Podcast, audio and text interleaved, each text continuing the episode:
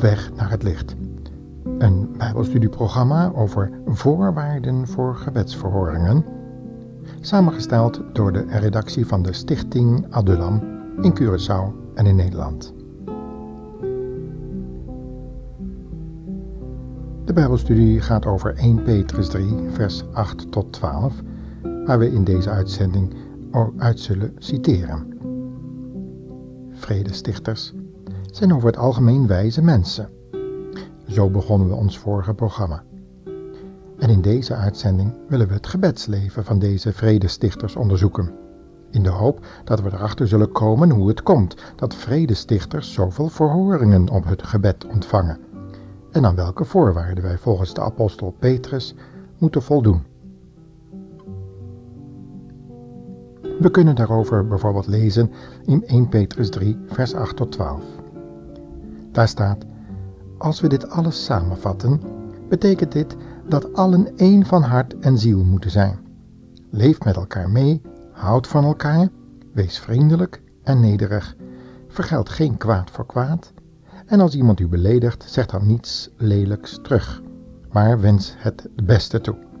We moeten vriendelijk voor andere mensen zijn, want dan zal God ons zegenen. In de boeken staat: wie van het leven houdt en gelukkig wil zijn, moet zijn tong in bedwang houden en geen leugen over zijn lippen laten komen. Keer het kwade de rug toe en doe wat goed is. Probeer in vrede te leven. Doe daar uw uiterste best voor. Want de Heere let op de mensen die doen wat Hij wil. En Hij luistert naar hun gebeden. Maar Hij wil niets te maken hebben met mensen die slechte dingen doen.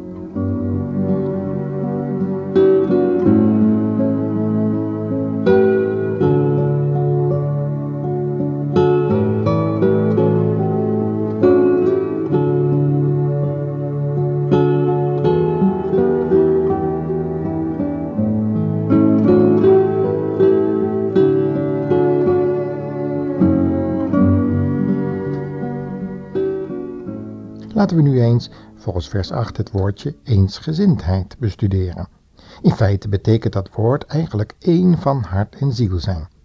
Niet alleen Petrus schreef over die noodzakelijke en praktische eenheid als gelovigen, om tenminste tot gebedsverhoringen te komen.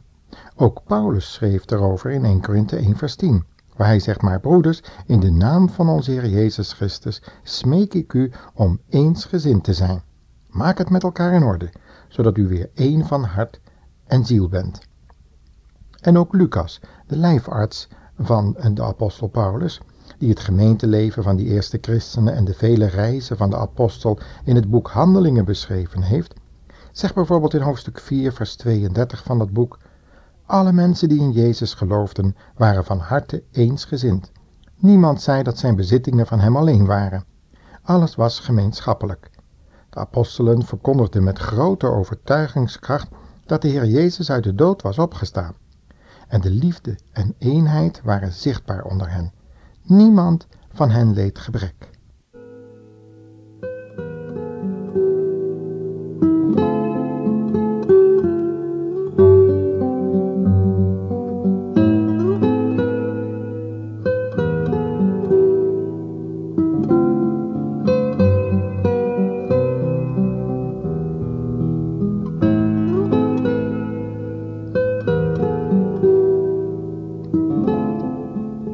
Kostelijk getuigenis eigenlijk van die eerste christenen. Elke communist zou verbaasd zijn of haar ogen uitwrijven als hij deze praktische eenheid en liefde ook onder ons christenen van de 20ste eeuw zou zien. De zo fel begeerde en veel besproken opwekking onder christenen zou niet lang uitblijven. Maar hoe bereik je nou zo'n liefdevol getuigenis in deze tegenwoordige verdeeldheid? Is dat eigenlijk nog wel mogelijk? En zou hier ook het antwoord van vele onverhoorde gebeden verborgen liggen? Laten we eens kijken wat de Heer Jezus zelf hierover heeft gesproken. We lezen daarover in bijvoorbeeld Johannes 17, vers 17 tot 21, waar Jezus dit onderwerp tegenover zijn vader heeft uitgesproken. Vader, maak allen die u mij gegeven hebt zuiver en heilig, door hen te onderwijzen in uw woord van waarheid. Ik stuur hen de wereld in, zoals u mij de wereld hebt ingestuurd. en ik geef mijzelf voor hen over om hen door de waarheid aan u te verbinden. Wat ik u vraag, vader, is niet alleen voor de mensen die u door hen in mij zult laten geloven. Ik vraag u, vader, of zij net zo één mogen zijn als u en ik. U bent in mij en ik ben in u, maar laat hen zo ook in ons één zijn, want dan zal de wereld geloven dat u mij gestuurd hebt. We begrijpen het al. De voorwaarden voor een vruchtbaar gebedsleven vinden we in onze praktische eenwording met de Zoon van de Vader, onze Heiland en Heere Jezus Christus. Niet onze eenheid als christenen staat in de eerste plaats centraal, maar onze praktische relatie met het hoofd van de christelijke kerk, Jezus Christus. Dan mag ik u in dit gedeelte van het programma alvast vragen, kent u, ken jij door bekering en wedergeboorte deze levende relatie met de heiland van deze wereld wel? Hij is ook voor jou, voor mij, naar het kruis van Golgotha gegaan om ons met God te verzoenen en ons één met God en Christus te maken.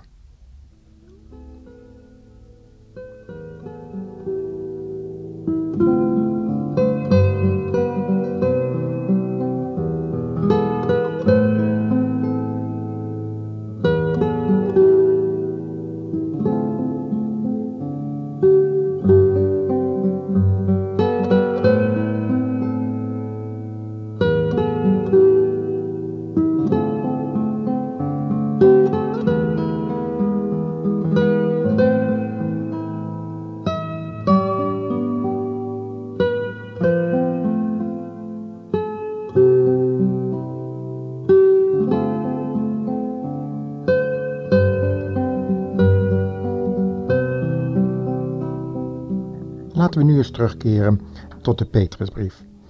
Want de tweede voorwaarde om gebedsverhoringen te ervaren is in die brief opgesloten. Petrus noemt er niet alleen het woord eenheid, maar ook het woordje medelijden of meeleven. Leven we werkelijk mee met onze naasten? Niet alleen onze medechristenen in onze eigen geloofsgemeenschap, maar ook met onze buren, sterker nog, met onze vijanden. Mensen die we eigenlijk niet zo graag mogen. Paulus schreef in zijn brief aan de Romeinse christenen, hoofdstuk 5, vers 10 erover: Vroeger waren wij vijanden van God. Maar doordat Gods zoon zijn leven voor ons gaf, is die vijandschap veranderd in vriendschap. En omdat Jezus leeft, zijn wij voor altijd veilig. Wat een vreugde is dat voor iemand die voorheen dacht bang te moeten zijn voor een rechtvaardig God.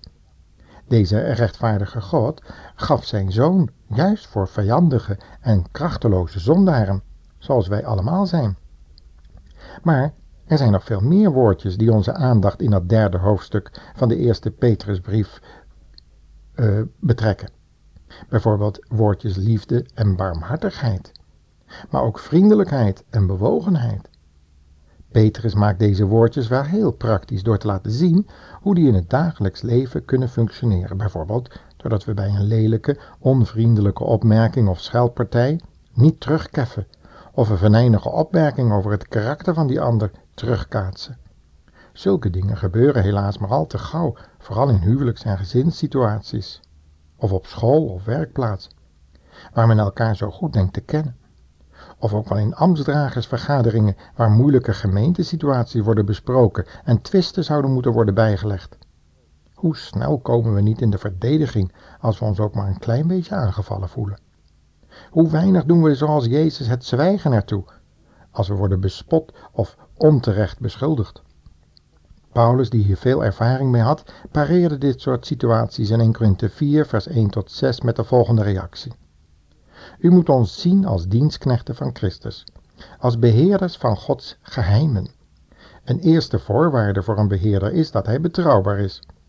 Nu maakt het voor mij niet uit met welk oordeel u of anderen u over mij denken te moeten hebben. Ik heb niet eens een oordeel over mijzelf. Want al ben ik mij van geen kwaad bewust, de enige die mij kan beoordelen is de Heere.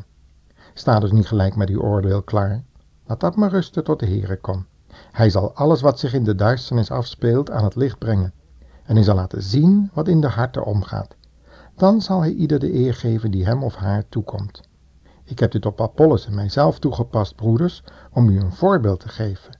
En ik hoop dat u van ons leert iets bescheidener te zijn.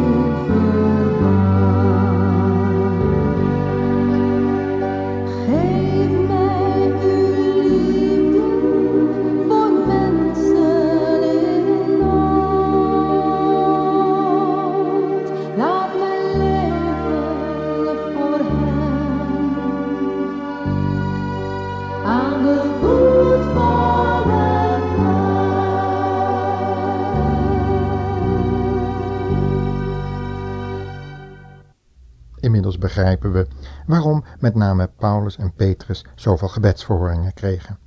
Ze leken gewoon steeds meer en meer op de Heer Jezus. Er was geestelijke groei in hun leven zichtbaar. Geen bittere gevoelens kwamen er openbaar, geen agressie in woorden en daden. Al de kenmerken die de Heer Jezus had, zoals liefde, warmhartigheid, vriendelijkheid en bewogenheid, kwamen in hun houding openbaar. Niet dat ze ongevoelig waren voor een verkeerde behandeling, dat zien we wel als ze zich moeten verantwoorden. Maar ze zijn duidelijk en oprecht in hun mening en reacties. Ze blijven echter in gesprek, zowel met God en Jezus Christus, als met verkeerd reagerende en vals ingelichte mensen om hen heen. Vriend en vijand zijn voor hun gelijk, schepselen van God die behouden moeten worden en geheiligd. En daarvoor werkte met name Paulus ook dag en nacht, om zoals hij het in Kolosse 1 vers 28 en 29 zei, ieder mens moet aan God voorgesteld worden, volmaakt door wat Christus voor hem gedaan heeft. Laten wij ons zo door het woord van God vormen. Laten wij ons zo klaarmaken voor de wederkomst van Christus, zodat wij bij Hem in de hemel op onze plaats zullen gesteld kunnen worden en de erfenis in bezit kunnen nemen, want de ogen van de Heere zijn over de rechtvaardigen en zijn oren tot hun gebed.